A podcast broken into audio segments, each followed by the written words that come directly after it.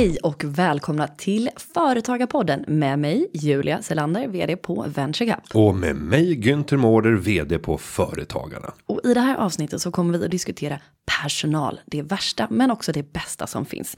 Men hur är det egentligen? Är det så svårt att anställa i Sverige? Och är kostnaden för hög? Finns det någon modell för att kunna räkna baklänges vad kostnaden egentligen är för att ha anställda? För att söka svar på de här frågorna och mycket mer så har vi bjudit in en särskild gäst, nämligen Hanna Cederqvist som är projektledare och expert inom kompetensförsörjning här på Företagarna. Men vi kommer att börja någon helt annanstans. Välkomna till Företagarpodden. Och Julia, jag tänkte att vi ska börja någon annanstans, nämligen fredagen den 27 april. Vet du vad jag gjorde då? Det vet jag. Berätta gärna igen. Jag berättar igen.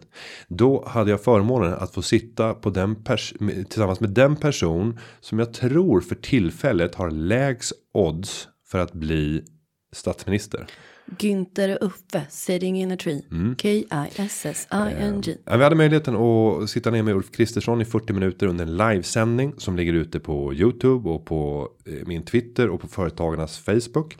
Eh, där medlemmarna fick ställa frågor och jag fick också ställa mina frågor för att söka svar på hur tänker Uffe kring företagande. Mm. Vad var kontentan där? Vad tyckte Uffe? Eh, nej, men i grunden så har han en retorik som jag tror rimmar rätt väl med många företagares uppfattningar. Eh, han har en rätt eh, djup inblick i företagares villkor känns det som. Eh, sen så var det en fråga som jag särskilt hajade till på och det var att han var väldigt tydlig på frågan om arbetsgivaravgifter. När vi när jag tog upp frågan om eh, han ser skäl att göra justeringar och sänkningar av arbetsgivaravgiften för att stimulera jobbskapande så att det står inte högt upp på agendan. Och det betyder att aldrig. Det betyder egentligen politiskt så betyder det aldrig i livet. Eh, och jag tror att det finns ett, ett skäl till att han sa det här. Och det är att arbetsgivaravgiften är för de allra flesta människor och väljare osynlig.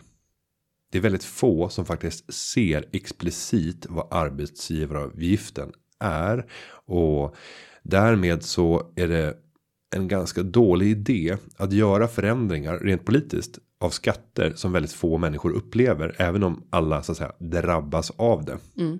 Så är det mycket bättre att ta skatter som syns och omedelbart får en verkan på människor. Om man inte börjar tydliggöra det här väldigt mycket för personal att man gör det obligatoriskt att skriva ut på lönespecen hur Ja. mycket man eh, betalar ut. Och det var vår uppmaning, både Ulfs och min uppmaning. Att du som företagare, du som lyssnar på den här podden. Från och med nästa lönebesked så anmodar vi er att skriva ut, om ni inte redan gör det, arbetsgivaravgiften på den lönespe som ni skickar ut till era anställda.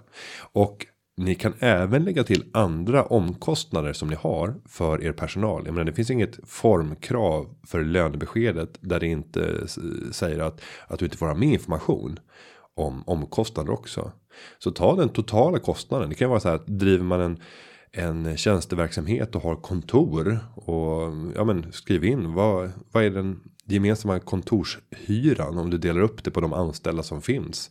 Eh, om, ja, men det kan vara rätt intressant och anledningen till att att det kan vara en, en upplysningsdel som tillför värde. Det är att plötsligt så ser en enskild anställd vad den totala kostnaden är per timme och då blir man av med det här som man ser när många startar eget. Att man lägger sig alldeles för lågt när man funderar ut men vad är det jag ska ta i timmen. Så det är många som landar i så ja, men jag borde ta 300 kronor i timmen. Om jag ska tjäna, om jag ska tjäna 35 000 vilket är ja, ja, 300 det är väldigt bra. Då kommer jag tjäna ännu mer. och så glömmer tittar man på det. konkurrenten så tänker man och då blir det också hälften Oj. mot vad de andra tar. Det Ja, blir eller en perfekt. tredjedel av vad de andra tar. Ja, nej, men det är väl ett, ett eh, bra tips. Men sen kan jag tycka att man får väl också kanske göra det med modifikation. Jag tror inte man ska ha en liksom fyra kilometer lång lönespec utan arbetsgivaravgiften är väl en sån jättestor Ja, tänk dig en klumpsumma eh, där det bara står övriga omkostnader för att driva verksamheten per personal. Overhead. Eh, det är inte dumt. Nej, det är inte dumt. Men vad spännande. Men då kan man kika på den här eh, i efterhand också med Uffe. Det kan med. man göra. Sen pratade vi för två avsnitt sedan om eh, just utlottningar och liknande via Facebook. Mm, vi pratade om att man kan marknadsföra i sociala medier och Mm. att försöka göra det utan att lägga någon budget så kan det vara väldigt sköj att eh, använda någon form av pris som en trigger. Och där har vi fått lite sakupplysning. Som gör att eh, man kanske bör vara lite försiktigare än vad vi sa. Facebook har nämligen också observerat att allt fler eh, nyttjar sig av den här möjligheten. Och vad står i deras användaravtal som du och jag har skrivit på. När vi bara säger ja, ja, acceptera, gå vidare, ja, ja, Som du och jag och samtliga Facebook-användare har skrivit på. ja. Mm. Nej, men där står det så här. Personliga tidslinjer och vänanknytningar får inte användas för att administration av kampanjer. Till exempel att dela på din tidslinje för att delta eller dela på din väns tidslinje för att kunna delta flera gånger. Eller typ tagga dina vänner i det här inlägget för att delta eller tävla. Vilket är väldigt vanligt förekommande. Ja, Det får man alltså inte göra nej, eh, så där är det nog många som bryter mot det användaravtal som man har underkastat sig. Eh, därtill så ska man väl också säga att för att eh, man inte ska falla dit hos lotteriinspektionen så får det inte vara lotteriliknande utan det ska vara om det inte är ett godkänt lotteri. Det ska finnas en prestation kopplat till det och det är därför många avslutar med just skriv en slogan på fem ord som bäst beskriver varför du ska. Eller motivera. Mm, motivera med För det kan ju räcka. Det kan det göra. Men sen är frågan, för det ser jag på, jag är en, en, en frekvent bloggläsare av bloggar av alla slag. Och är det sådana tävlingar där man lottar ut olika grejer där, då är det alltid motivera så väljer jag en vinnare. Jag kan tänka mig att man inte sitter och läser igenom 2000 motiveringar, utan Nej. man bara drar en i högen. Men det är just på grund av den här lagen då. Mm. Smart. Så det är väl bra att ha med er. Men jag tänker mig nu att vi ska kasta oss in i vårt huvudinslag för dagen. Mm. Och bjuda in vår särskilda gäst. Hon är grym, jag längtar. Nu Ja. kör vi. Välkommen. Då hälsar vi vår särskilda gäst välkommen till Företagarpodden. Och det säger vi till Hanna Cederqvist som är projektledare och expert inom kompetensförsörjning här på Företagarna. Välkommen ha! Hej, tack så mycket. Eh, förra veckan så släpptes eh, då rapporten Jobbskaparna. Vad är findings som har serverats? Oj, oj, oj, oj, det är så mycket. Vi har gjort en sån här stor undersökning om jobbskaparna då. Och liksom syftet med den här första som heter stolthet och svordom handlar mycket om att så här, måla bilden av vad är en företagare? För jag tror att för oss som jobbar med företagare så är det väldigt självklart på många sätt. Och de är otroligt olika förstås. Men så här, det handlar mycket om att beskriva vilka drivkrafter som finns i företagandet. Varför man startar företag. Vad som är givande men också vad som är betungande med att driva företag. Vi kollar också på vilka man anställer och vilken relation man har till sina anställda. Därav namnet Stolthet och svordom. Jag tycker det är briljant. Ja. Och vad kan man säga om eh, jobbskaparna? Vad är det rapportens eh, slutsatser mynnar ut i? Att det är så roligt att hitta det vi har hittat i andra sammanhang också. Just det här att det är jättesvårt fortfarande att hitta rätt kompetens. Och det är eh, svårt med när man har det är väldigt mycket problem med regelbörda, vilket är det absolut mest betungande med att driva företag.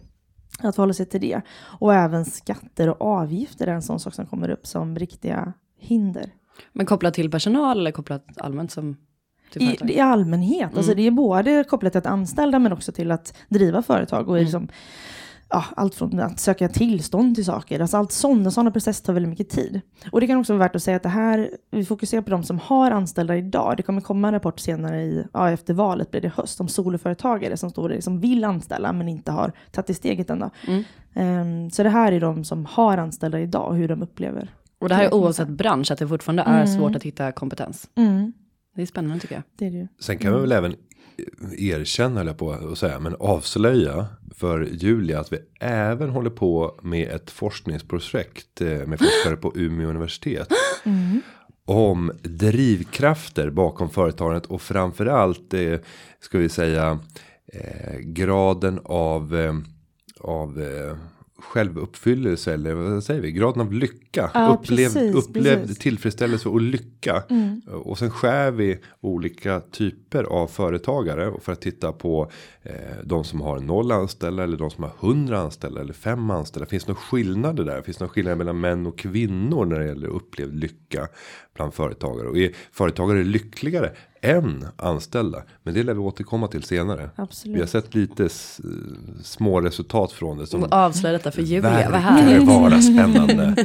Ja, sä- säg inte det här till någon. Nej, men jag för det lovar. här, det här får inte komma ut. It's between me Mm. and you. Men det var ju lite som vår eh, gäst för några veckor sedan, Larry Lexell, sa, att, eh, att vara företagare är att ständigt ha ångest. Mm. Det kanske är någonting som han tycker enbart, men det ligger ju någonting i det kan jag tänka mig. Spännande att se. Men om man vill läsa den här rapporten, Mm. då går man in på företagarna.se, antar jag. Absolut. Spännande, det Det tycker jag att man ska rapporter göra. ligger den. Mm. På, på, man klickar på politik och påverkan och sen rapporter. Mm. Och där serveras den, jobbskaparna. Men om vi tar upp en, en av de frågorna som du nämner så är det just eh, kostnaden för att anställa som upplevs som hög. Och här har vi faktiskt fått in en, en fråga kopplat till det som jag tänkte att vi tar när du är i studion. Är du beredd? Absolut. Gud vad härligt. Då ska vi se. Hej Företagarpodden. det sägs att företagare tycker att det är för dyrt att anställa. Stämmer verkligen det? Jag tänker, har man inte råd att anställa och det hänger på de sista kronorna i skatt, kanske ens verksamhet inte går så bra. Eller? Diskutera gärna. Jag uppfattar det som att företagare skyller på det när de faktiskt egentligen inte lyckats med sitt företag tillräckligt bra för att ha råd att anställa personal. Mvh Robert, också egen företagare med anställda.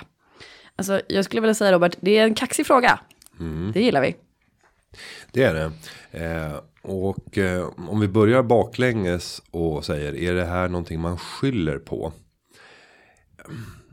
Ja, det, det kan nog på marginalen finnas eh, företagare som skyller på att det är för dyrt med anställda när man inte får ihop det. Det, det tror jag. Hanna, vad är din bild?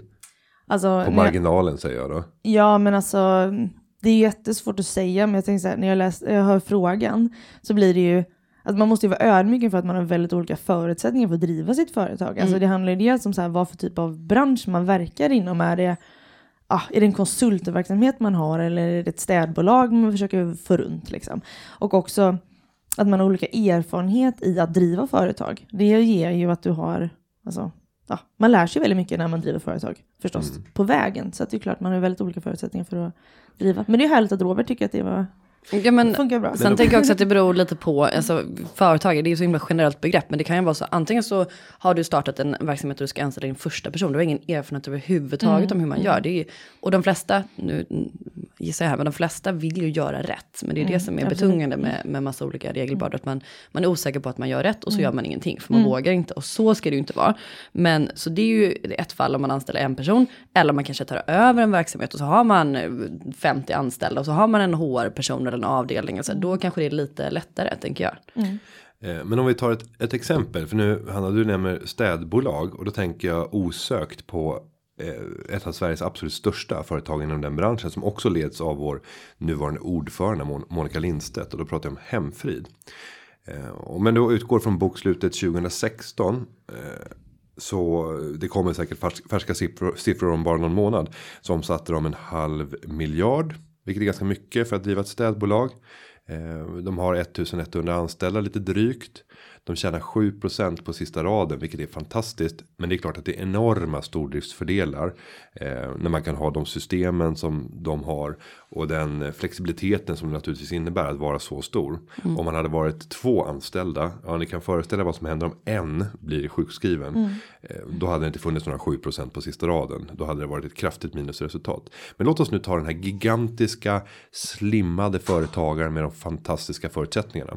Vad behöver man ta betalt för att kunna få 7% i vinstmarginal? Ett räkneexempel. Ja, och då behöver Hemfrid ta ut 460 kronor i timmen. För att bli så här lönsamt. 460 kronor i timmen för per städare. Och då kan man tycka att äh, det, då håller man på och skyller på att eh, businessen inte går ihop. Om Och man tycker att det är för dyrt att, att anställa. Och då kanske Robert säger att ja men nu pratar du inte om kostnaden för att anställa. Nej men om du gör ett baklänges räkneexempel. Om du vet att det här bolaget kan tjäna 7% på sista raden. Och vara ett av de största och mest effektiva bolagen inom sin bransch. Och prissättningen är 460. Man hade kunnat tro att de skulle haft eh, 30% eller 40% i vinstmarginal. Om det var så att de här 460 kronorna låg väldigt, väldigt långt bort från den verkliga kostnaden. Totalkostnaden för att ha en anställd.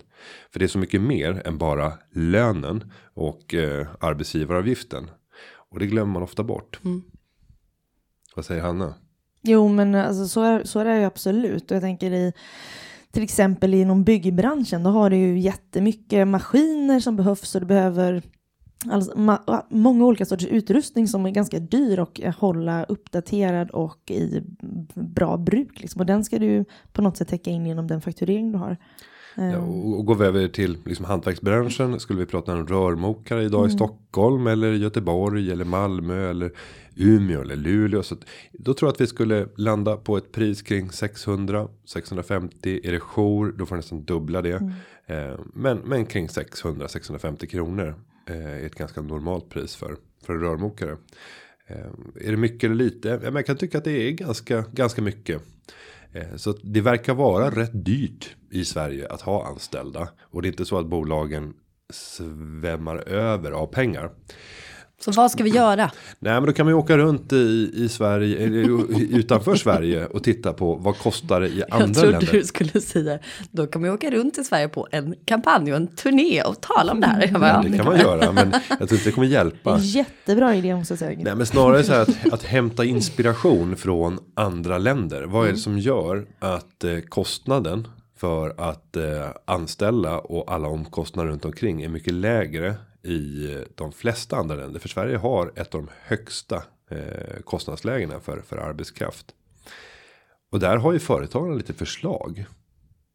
Ja, ja, men absolut. Rapporten levererar ett antal förslag på lösningar. Ja, men dels handlar det mycket om att det behöver bli mindre krångligt att dels ha anställda men också driva företag. Att det är liksom reglerna som finns behöver på något sätt vara förankrade i den verklighet som företagar, alltså företagarverkligheten, att man inte anpassar, alltså reglerna på något sätt för, behöver följas absolut, men att de behöver ha, vad ska man säga, vara utformade utifrån de som faktiskt ska försöka följa dem. Och jag, precis som du var inne på förut Julia, just att de allra flesta företag vill ju göra rätt för sig. Och just att det är det som är vad ska man säga, tungt då Mm. när, man, när man märker att det är svårt. Liksom. Och det är ju det här, alltså just när det är dyrt att anställa så är det ju någonting som faktiskt hämmar sysselsättningen. För vi har jättestor kompetensbrist egentligen. Så det handlar ju mycket om att det finns väldigt många jobb där ute som inte blir tillsatta. Och det handlar mycket om att det är dels eh, saknas rätt kompetens. Och när det är väldigt dyrt att anställa de som faktiskt finns till förfogande på arbetsmarknaden, då blir det värdet som de kan tillföra, alltså det, blir, det matchar inte den kostnaden man har. Och just att eh, det blir eh, det blir för dyrt helt enkelt. Och det ska, som skapar ju dels problem för, alltså företagen får ju lägga väldigt mycket resurser, både pengar och tid att lära upp de här personerna. Och då skapar det ju hinder för företagen att få tag på rätt kompetens, men också för etablering på arbetsmarknaden för de som står långt ifrån. Så att det ju, blir dubbelt problematiskt så. Och det som är intressant tycker jag också är att vi ser att alltså kostnaden för att anställa är ett problem oavsett hur stort företag man har. Så att det är ju, det är klart det är störst för de minsta, men det är ändå så här, det är ändå ett, eh, stort, liksom ett problem. Men jag tycker en, ett konkret förslag som redan finns, eh, som vi på något sätt vill modifiera, är ju växa-stödet. Regeringen presenterade för, ja, visst exakt när i tiden det var, men de, det finns ett växa-stöd nu där du som soloföretagare som anställer din första person får en rabatterad arbetsgivaravgift eller slopad. Um, ehm, och från början när det förslaget kom, då handlade det om att man som i, om du hade drev företag i enskild firma så fick du det här avdraget. Men det är ju helt, där var vi en höger, bra röst tycker jag i att stoppa, eller att utvidga det så att det gällde även företagare som drev soloföretagare i aktiebolagsform. För Mm. man ska ju inte anställa i en enskild firma. Ehm, och där är ju, handlar det mycket om att vidga det här. För att vi ser ju att de som driver soloföretagare, ungefär 20% av dem vill anställa en person. Men de som faktiskt skapar jobben där det växer mest, det är de som redan har kommit över den här tröskeln till att våga anställa. Och där ska man få verklig effekt av det här växa-stödet, då behöver det ju vidgas så att det gäller även företagare som driver något större företag. Så, så att det är mycket det.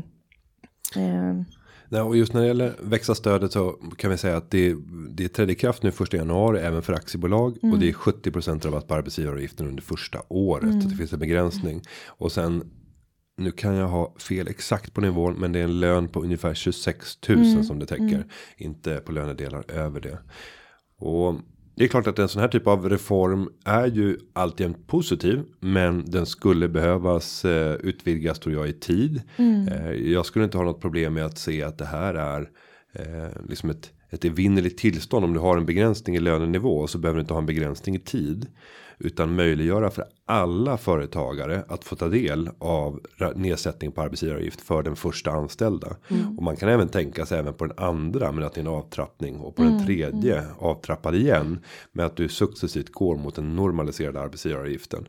Sen kan man nog säga och jag tror att Robert har fler anställda. Jag tror att eh, Robert har fem eller fler anställda. För när man har passerat gränsen fem anställda så är det ofta så att arbetsgivaravgiften, det är inte frågan.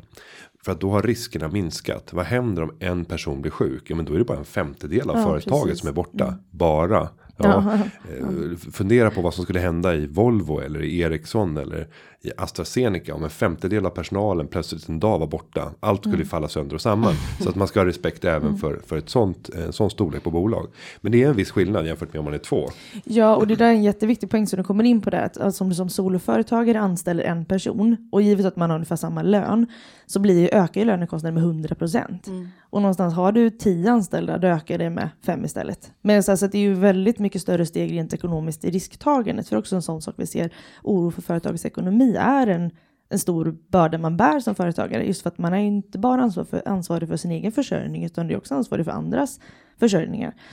Och återigen där ett svar på hur man mår som företagare. Ja. Det är ett jäkla ansvar att bära. Men och sen också så att som företagare så kanske du egentligen är expert förhoppningsvis på den liksom, tjänsten eller produkten du ska, liksom, det värde du ska leverera till kund. Sen ska du också då vara expert på, okej alla dessa olika regler och lagar man ska förhålla sig till och när det gäller personal så ska man helt plötsligt vara HR-chef. Eh, och kanske inte ha råd att ta in något bolag för att hjälpa till med rekrytering, man testar och så blir det så här. Så att det, det är mycket att hålla reda på, det är klart att det är läskigt för att det är som du säger, just ansvaret för en annan person och dens liksom, förutsättningar och inkomster. Och så här, vad händer om den blir sjuk eller eh, föräldraledig eller vad det nu kan vara för någonting.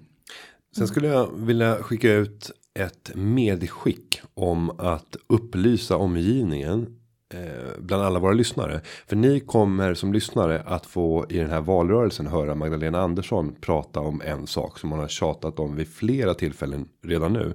Och det är att det är oacceptabelt att den läkare som driver sin sitt sitt yrke genom ett företagande och hyr ut sig själv kommer att kunna tjäna 100 000 kronor mer i plånboken jämfört med samma läkare som gör exakt samma jobb men som har en anställning på samma sjukhus på samma avdelning. Det här är inte rättvist. Eh, och sen så används det som grund för att här måste vi strypa åt och försämra förutsättningarna och öka skatteuttaget på företagaren så att det blir en balans mellan v- om man väljer anställning eller företagande. Och när ni hör den argumentationen, då ska ni tänka på följande vis. Vad skiljer en anställning från ett företagande? Och en, ett första element som skiljer, det är att du har ingen lag om anställningsskydd. Utan det här är ett kontrakt, du säljer ett kontrakt till ett sjukhus. De kan när som helst utan saklig grund säga att det är över nu. Du behöver inte komma in mer. Eh, du har inget skydd om vi säger det ansvar som finns om ni vill lyssna på avsnittet om arbetsmiljö där vi hade Liselott Argulander inne eh, så hör ni att företagarens ans eller företagets ansvar för sina anställda när det gäller rehabilitering och att ta ansvar för sin personal är rätt långtgående. Något sånt finns överhuvudtaget inte gentemot eh, egenföretagaren. Sen så har man ju även normalt sett en årlig lönerevision som anställd. Någon sån lönerevision finns inte för företagaren. Det är utbud och efterfrågan. Eh, du kan inte vara garanterad att få några prisjusteringar. Det kan till och med vara så att du ska vara beredd på sänkningar för att man går ner i pris och säger att vi står inte beredda att köpa dig för lägre än det här priset. Så om man skulle nu säga det här till låt oss säga fackförbunden. Vi går och gör en facklig förhandling och säger att vi har tänkt att omförhandla anställningarna, men vi kommer att höja era löner. Ni kommer få 100 000 kronor mer i plånboken, men vi kommer ta bort allt anställningsskydd. Vi kommer kunna sparka er på dagen. Ni kan få lönesänkningar när helst det innebär. Vi kommer inte ta något ansvar för rehabilitering. Någon semester? Nej, det kan vi inte garantera. Det är klart att du kan ha önskemål om semester, men sen är det vi i slutändan som kommer säga om om du kommer få fortsätta eller inte när du kommer tillbaka från den där ledigheten. Om man skulle säga det här till facket och sen komma med följdfrågan. Om vi skulle göra det här, vad skulle ni vilja ha i ekonomisk kompensation? för att eh, tycka att det här är en rimlig förändring. Och då skulle facket säga att det här skulle vara bedrövligt. Ni skulle skjuta ut hela arbetsmarknaden i sank. Ni skulle förstöra människor. Ni skulle betrakta, ni betraktar människor som slavar. Så bara, Nej, vi betraktar människor som företagare. Som konsulter. Som det här är företagares vardag. Om du pratar om slavar så är det det du just nu säger om företagare. Och det tycker jag är orättvist. Kan du ställa den här frågan till Magdalena? Ja, jag har tagit upp det här. Jag, jag satt med budgetchefen på Socialdemokraterna och argumenterade för det här. Och han kunde inte riktigt ge sig här i helgen. Ehm, Men det är lite som det här berömda experimentet med, som du nämnde här, de här olika utmaningarna och sen så bara, fast du får 100 000 kronor mer i plånboken. Mm. Man bara, jag tar jag 100 000. Alltså, tar du hellre två marshmallows nu Men än jag tre tror- imorgon? Alltså det där är ju, eh, jag tror det där är en sån sak som särskiljer företagare och för folk som är anställda. Att det finns en väldigt trygghet i att vara anställd. Vilket företagare, de värderar friheten och möjligheten att bestämma själva mer. mm. Och därför, ta, alltså därför startar man eget företag och driver det. Men de som redan är anställda och gillar den tryggheten, liksom, de, eh, ja precis. Då skulle facket inte backa den. idén. Nej, så det där är en argumentation som ni gärna får angripa. Så fort ni hör någon göra jämförelser mellan den som är företagare och den som är anställd och gör vad de tycker är samma jobb. Men att företagaren tjänar mycket mer pengar. Fundera på vad är verkligheten? Hur ser reglerna ut? Jag tyckte som inspel på det också var intressant. Idag, eller igår kom det en artikel eh, där Damberg satt de, ah, gör ett utspel för att satsa mycket pengar på entreprenörskap. Och så är det en, ett pratminus från honom där, han, där det står att eh, eh, nu när det är så stor efterfrågan på arbetskraft så är det tyvärr många som väljer en anställning istället. Eh, och om fler skulle tvingas så skulle fler starta företag. Och det var ju något bra, då, liksom, vi behöver fler, ny- mer nyföretagande, vi behöver fler företag som startas i Sverige. Så att det är en helt annan retorik, att man ska också tvingas att starta företag, det vill vi se mer av. Alltså det var, Ja, det vill vi väl inte va? Inte Nej. mer nyf- alltså det är Nej, ju, men jag tänker att, att bli tvingad att starta företag är kanske en ganska Nej, dålig precis. utgångspunkt. ja, jag tyckte den formuleringen var väldigt intressant. Här. Det är inte riktigt vad man vill tvinga folk till att göra, men det ska vara något man väljer. Nej, och det, och det kan väl också vara ett, ett medskick just på det temat. Eh, när politiker skryter om högt nyföretagande så tycker jag att man ska vara försiktig. Eh, jag tror att jag har nämnt det här vid tidigare tillfällen. Men vilket land eller vilka länder i Europa har haft det högsta nyföretagandet om vi tar sedan 2010 fram till idag? Vad skulle ni gissa på? I Europa. Högsta nyföretagandet. Oh, nej, men det måste ju vara något av krisländerna, tänker jag. Ja, men varför skulle det vara det? Att Man, tänker ju måste- nyföretagande, framåtanda, nybyggaranda. Ja, nej, jag eller? tänker- Nej, men man, är, man- man det blir avslöjad av din, eh, din liksom, infallsvinkel. Jag tänker, ja, nej. Det måste ju vara alltså, att man behöver göra det för att livnära sig. Mm. Så då startar man företag. Tyskland. Typ inom turism i Du var södra... såhär, något av krisland för Tyskland. Det det, men vadå, det är Nej, mycket... men, ehm, Va? men Tyskland har, är väl den starkaste ekonomin i, i Europa. Ja, men jag får väl gissa på vilket land jag vill. Jo, men om jag säger att han har rätt när han pratar om Jaha, men krisländer. det uppfattar jag inte. Jag satt och tänkte på länder. Jag Ja. tänker eh, Portugal, Grekland. Ja, det är rätt. som är lite knipande. Och Tyskland. Nej, inte Tyskland. Nej, men Portugal, Grekland, Italien. Nej, och, och Grekland är det lysande exemplet här på högt nyföretagande. Och vad beror det på? Jo, du har skjutit hela liksom, den stat, stat, statliga ekonomin i sank. Eh, du har en sträng arbetsrätt. Eh, du har långtgående ansvar som arbetsgivare för dina arbetstagare. Och det här är liksom de optimala förutsättningarna för ett högt nyföretagande. Men är det lyckliga företagare? Nej, det är ju för att de inte tar sig in på arbetsmarknaden. Och har man till exempel starka kollektivavtals, eh, kollektivavtal med miniminivåer. Som innebär att det är svårt att ta sig in. För att företag står inte beredda att betala de lönerna. Och då pratar vi total kompensation. Det kan ju handla om att man får gå i pension när man är 50 eller 58 eller. Eh, men men då, då innebär det att eh, du kommer att kunna starta eget företag istället. För där finns det inga krav om lägsta ersättningar eller andra typer av uppgörelser om pension. Utan då kan du bara sänka priset. Och det är ju så att om du i Sverige skulle vilja ha ett jobb som egenföretagare och ha 100% beläggning. Då kan du lösa det. Alltså du kan lösa det inom nästa vecka. Du kan ha 150% beläggning.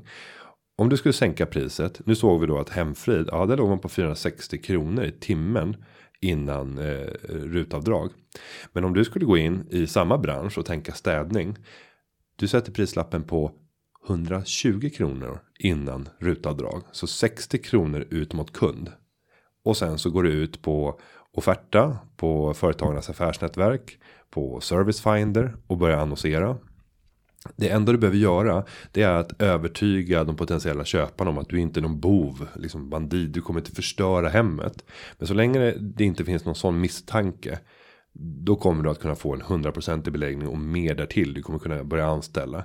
Sen som du gör ett fantastiskt jobb och det gör att dina kunder blir helt sagolikt nöjda så kommer säkert deras betalningsvilja att ligga högre än de 60 kronor efter rutavdrag som du tar betalt. Och då kan du bara börja och höja och bara se var fanns min nivå där jag kan fortsätta ha 100% beläggning. Och på så sätt så kan man hitta sitt eget jobb via ett företagande. Det är en, en väg som jag tror att facket skulle ha jättesvårt för. Eh, och, och egentligen så borde de inte ha det. här är en egen företagare. De har inte ens. De tar sig inte ens in på arbetsmarknaden. Eh, men när man skulle prata om att det är liksom lönedumpning via via företagande. Men så ser det ut. Det här är det, är det är fullt möjligt redan idag. Alla som skulle ha en arbetsförmåga, till exempel att städa, skulle kunna få en en mer än 100% beläggning inom en vecka. Och så pratar vi om att nej, det går inte att få jobb i, i Sverige. Jo, det handlar det, när, när priset är så lågt att det plötsligt föder en efterfrågan. Och du har enkla matchningstjänster som gör att du kan hitta. Då händer det grejer.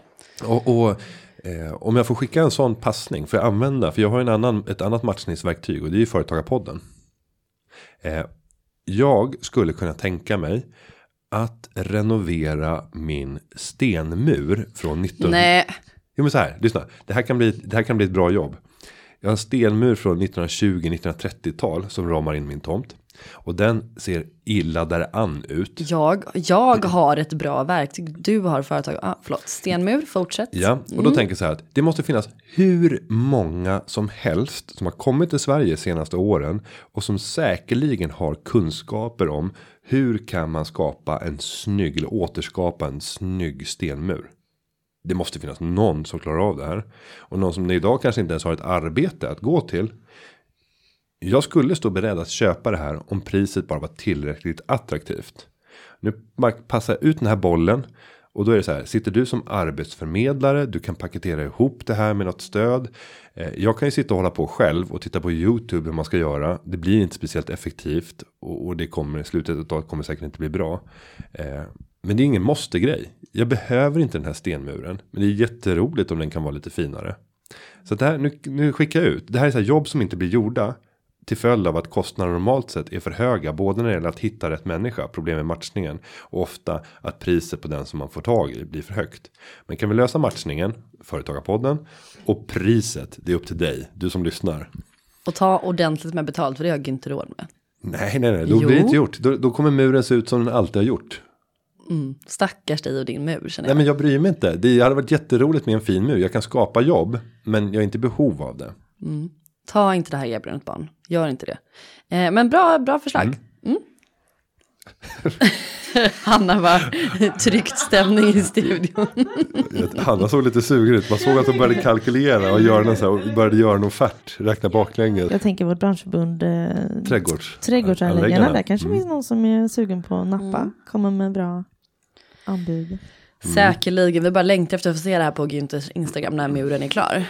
Ja. Härligt. Eh, och, och eh, man kan faktiskt. Eh, nej det kan man inte få. För eh, det är ett låst konto. Men det, det, det var filmat igår. När jag eh, eh, klippte gräset. Det kan du få se sen. Så kan du få se den här muren. Det låter också jätteintressant verkligen. Mm. Nej, jag klippte gräset. gräset. Det finns liksom ja. ingen hejd på, på, på innehållet på ja. dessa flöden. Ja, men jag, skulle, jag skulle skjuta ut en bild också i panorama på den här muren. Men nu får du sluta säga skjuta ut. Skjuta ut en bild. Hur tänker du att du gör det? Man skjuter ut i sociala medier. Och här kommer gräsklippning och här kommer barnpassning och här kommer mur. Ja, det, det, följ Günther Märder på, på Instagram, det är ett tips. Men ett annat tips, eh, den 16 maj så blir det någon slags livesändning har jag hört. Vad är det för någonting? Ja men precis. Det är om, eh, det är ett, vad ska man kalla det? Kompetensförsörjningsrekryteringsseminarium som vi har här. Det är ju ett live här på kontor, eller på huvudkontoret i Stockholm, mm. men man kan också följa det via länk. Och då kommer vi prata om kompetensförsörjning och en av förmån som vi har tagit fram. För just det här som Günther var inne på med matchning. Det är väldigt svårt att få till det här med att matcha. Alla Och- har inte en företagarpodd som man kan Alla har ju skjuta inte- ut sina alla har, förfrågningar alla i. har inte en företagarpodd. Nej. Nej. Eh, nej, men det som är så intressant är att vi släppte för några veckor sedan nu en jobb, eh, alltså en eh, sommarjobbsrapport. Och där gjorde vi en speglande undersökning. Vi vet ju sedan tidigare att våra medlemmar i väldigt låg utsträckning använder Arbetsförmedlingen. Att man rekryterar via sina, via sina personliga privata nätverk, vilket eh, har både fördelar och nackdelar. Men det vi såg i den här undersökningen som vi gjorde tillsammans med Student Consulting var att våra företagare fick svara på hur de ska söka sommarjobbare i år. Och sommarjobbarna som Student Consulting har kopplade till sig, de fick eh, säga hur de skulle, eh, vad de skulle söka. Och det var en väldigt tydlig skillnad där, att många, många av sommarjobbarna tänkte gå via Arbetsförmedlingen för att hitta sitt jobb. Mm. Men där finns ju inte våra företagare. Och när fyra av fem jobb skapas i små och medelstora företag så behöver det hittas bättre verktyg för matchning. Mm. Och därför har vi teamat upp oss med Student Consulting, där då man får eh, möjlighet att kopplas ihop med någon i sin, ja, där man verkar helt enkelt.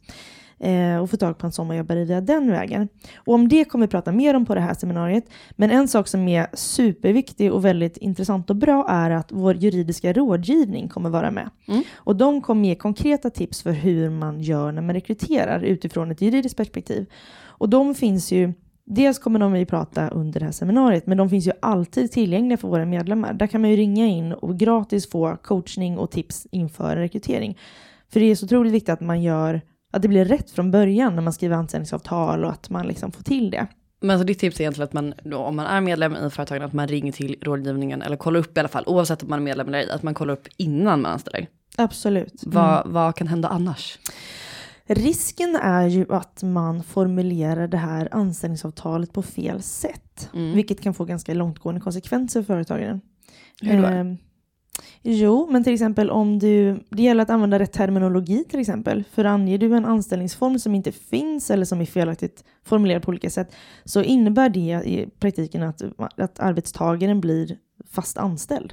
Eller tillsvidareanställning då, för att använda rätt Oh. uttryck. Ehm, och då... Ja. Du får en helgtjänst. Man bara, nej, Nej. jag får en tillsvidareanställning. Den behöver Okej. väl jobba ett visst, en viss tid, men det här är varför man ska ringa juridisk rådgivningen Mm. då, som är experter på det här. Och det finns också på webben, eh, företagarna.se då, guider. Om, du in, alltså, om man hellre vill sitta och läsa på själv så kan Mm. man gå in och titta där med checklistor och vad man ska tänka på när man rekryterar. Men vilken som är den bästa anställningsformen är väl en jättebra utgångspunkt när man ska formulera Ja. avtal och sådär. Absolut. Absolut. och det är avgörande också för att det blir bra utifrån de timmar man jobbar och den, ja, de förutsättningar man har tänkt sig för den här rollen. Att man formulerar anställningsavtalet på rätt sätt. Det är Mm. jätteviktigt. Mm. Jag tänkte även att vi ska eh, ge ett eh, lite cred till någon. Och det är eh, personerna bakom eh, Podler. Så, som nu eh, sen februari nästan tror jag varje avsnitt har sammanfattat. Vad är det vi pratar om i podden. Och gjort ett litet ordmoln. Eh, och så tänkte jag läsa upp de vanligaste eh, orden från föregående. Eller för avsnittet för två veckor sedan. Det lyser i ögonen på dig, så det är säkert någonting som inte har med dig att göra. Nej, det har inte med mig att göra. Nej, då var det. De vanligaste var företag, Facebook, barn, livet, familj, balans, investerare, tid, Julia. Ja. Och vi har även Va? Ki- Kiruna, högtalare, medier, eh, klockan, tid, vänner. Eh, ja, det sammanfattade avsnittet ganska bra. Mm. Eh, men jag tycker det är roligt här att, eh, att vi, vi pratar väldigt mycket om dig.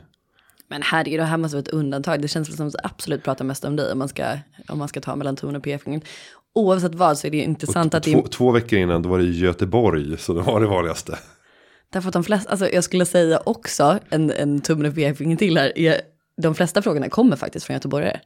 Mm. Och det är väl egentligen så att det är på grund av mig då såklart. Att man känner sig hemma med mig. Nej men eh, det, skämt åsido, det är ju intressant att eh, många av orden kopplar till så här, men personal och typ, eh, alltså livet och balans och men, men ansvar. Så det är Fast, det. fast det var ju för att avsnittet handlade om just balans i livet. Nu behöver inte du vara den som märker ord. Nej, nej, jag försökte bara förklara varför ordmålet såg ut som det gjorde. Det kommer ju se annorlunda ut efter det här avsnittet. Det kommer alltid vara Julia som står i, i moln, Ja, det molnets mitt. Julia, Julia, Julia. Nu har vi ökat så nu kommer det vara jättestort i ordmolnet. Härligt, men... Eh, Hanna, Hanna ser ut att vilja gripa in här. Ja, men jag kan eh, gripa in. Jag tänker, om vi vill få med vänner på detta avsnittet också, så kan man prata just om hur, vad, vilka människor man anställer i sitt företag. Och vänner är en sån sak som är väldigt vanligt förekommande. också i styrelser, tänker jag. Ja, ja men mm. absolut. För att man, man på något sätt vill att det ska vara bra människor och man har, delar liksom värderingar och, ja, och har liksom en bra känsla. Och även om man inte känner varandra från början så i ett mindre företag då jobbar man ju väldigt tätt. Så man får ju en relation som inte bara oftast ska jag säga, inte bara är enbart, enbart professionell, utan man har, man är liksom, ja, en del är ju liksom familj också, man är släkt, man är vänner, man har liksom, känner varandras barn och så här, och det är ju både bra och medför utmaningar. Eh, vilket vi kommer in på i del två av den här jobbskaparna rapportserien. Just vad händer när företaget går hemskt dåligt eller händer någonting Mm. i omvärlden. Som Men det är ju... Du hade, du hade, I de stunderna så tror jag att det är lättare om man har eh, fler ovänner anställda. än vänner.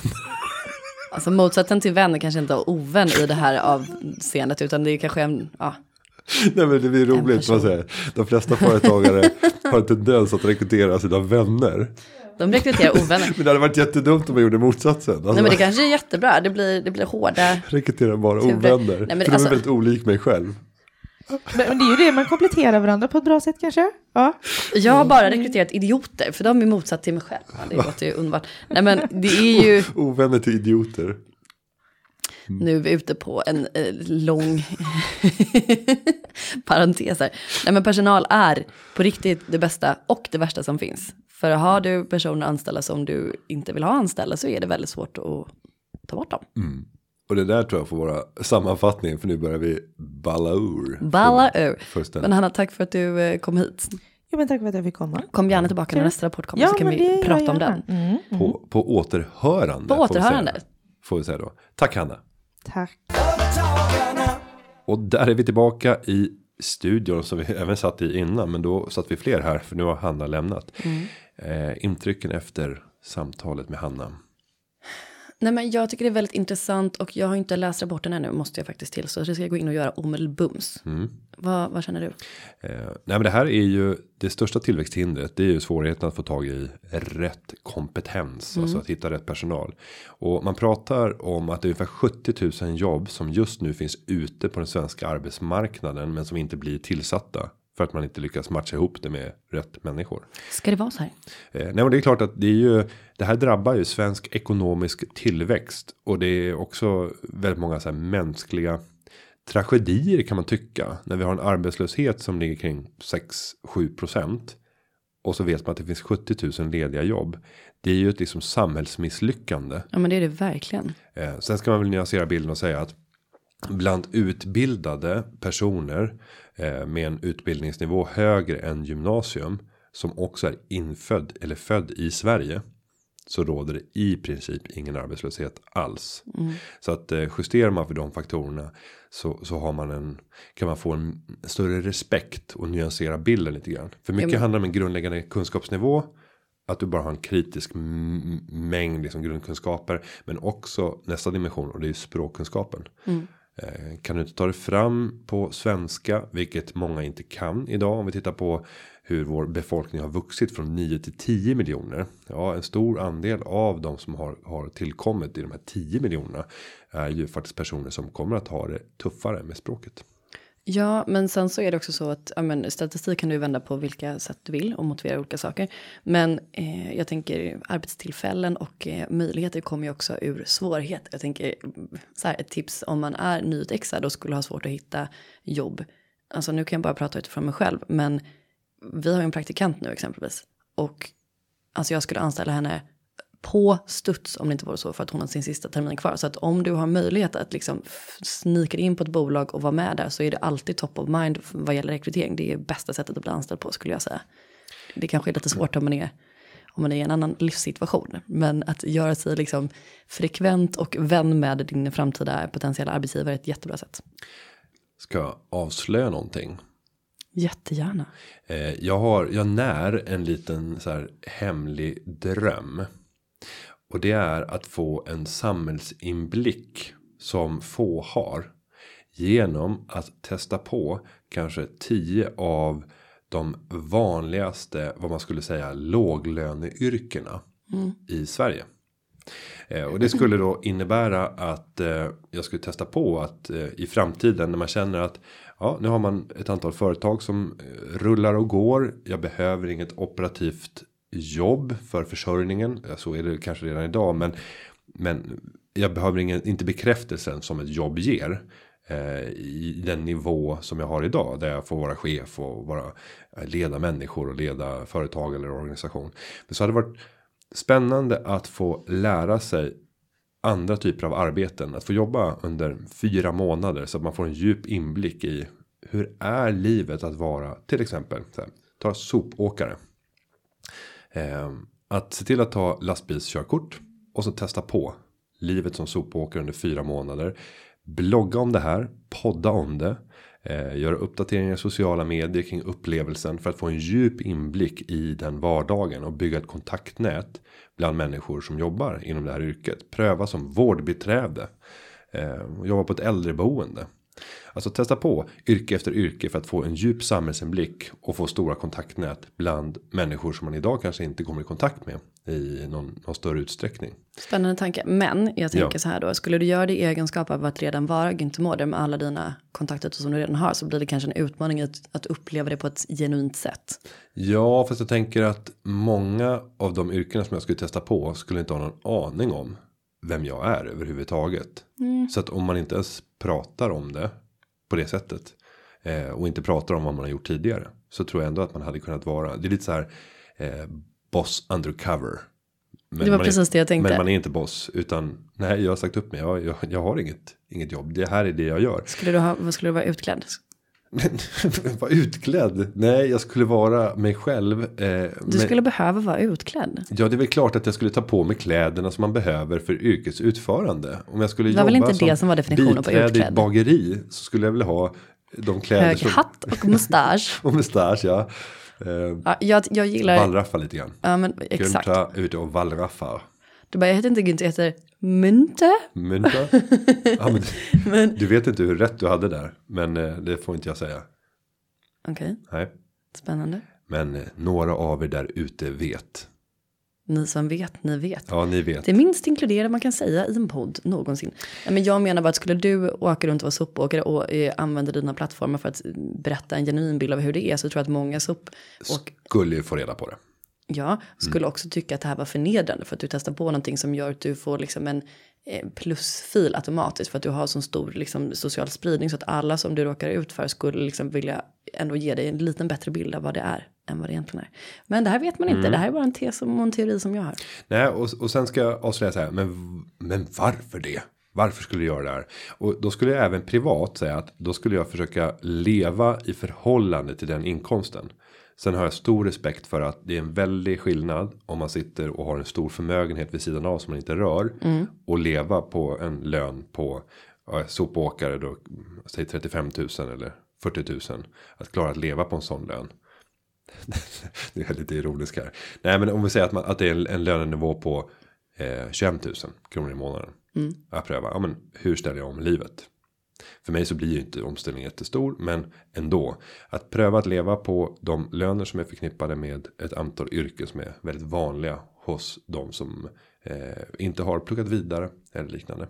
Och sen skulle jag vilja använda de här kunskaperna till att eh, eh, liksom fortsätta bedriva politiskt påverkansarbete för att effektivisera Sverige. I egenskap av Mynterpartiet.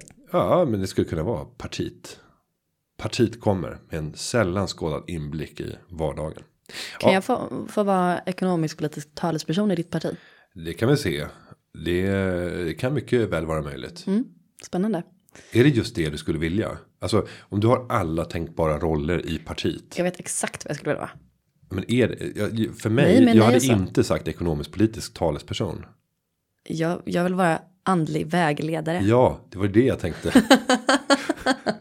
Ta, Vänta, vänta, vänta. Jag tar fram min kortlek. Du fick det tregre svärdet. Mm. Tyvärr, det blir ingen sänkning av inkomstskatterna. Men det hade nog blivit nästan, nästan ett bättre resultat i samhället än, nej, nu ska vi inte vara så negativa. Men vad spännande. Ja, där hade jag en så här rolig spaning. Det är också min motsvarighet i Norge, vdn för motsvarande företagen i Norge. Som deklarerade högt och tydligt att till och med min hund skulle kunna styra det här landet. Eh, för alla är i princip överens om allt och vi har hur mycket pengar som helst. det är ju fantastiskt. Det var en bra summering, grattis Norge. Herregud, jag vill flytta tillbaka till fäderneslandet. Julia Myklebust återvänder. Mm. Nej, men det kanske är ett jättebra parti. Men bara, eh, Fru Fortuna-partiet. Vi drar allting med kortleken. Det kortleken säger, det gör vi. Ja, men det får nog flytta till Norge då. Ja. Alla måste vara överens om allt och så ska det finnas obegränsat med pengar. Vi kör på det. Ja. Med det så sluter vi eh, kappsäcken. Oj, du hade en varierad avslutning här. Det är inte knyta upp påsen, det är Nej. sluta ihop så kappsäcken. lägger ner skiten i påsen. Så lät det. Ja, och kastar ut den genom fönstret och ropar. Våren är här, våren är vår. Eh, glad vår. Glad vår. Allihopa. Vi hörs igen nästa vecka och vi ska säga att podcasten har förberetts av Karin Nygård och klippningen den är gjord av Gustav Dalesjö. Släpp fångarna loss, det är vår. Företagarna, ja, ja, ja, ja, ja, ja. Företagarna, ja, ja, ja, ja, ja, ja.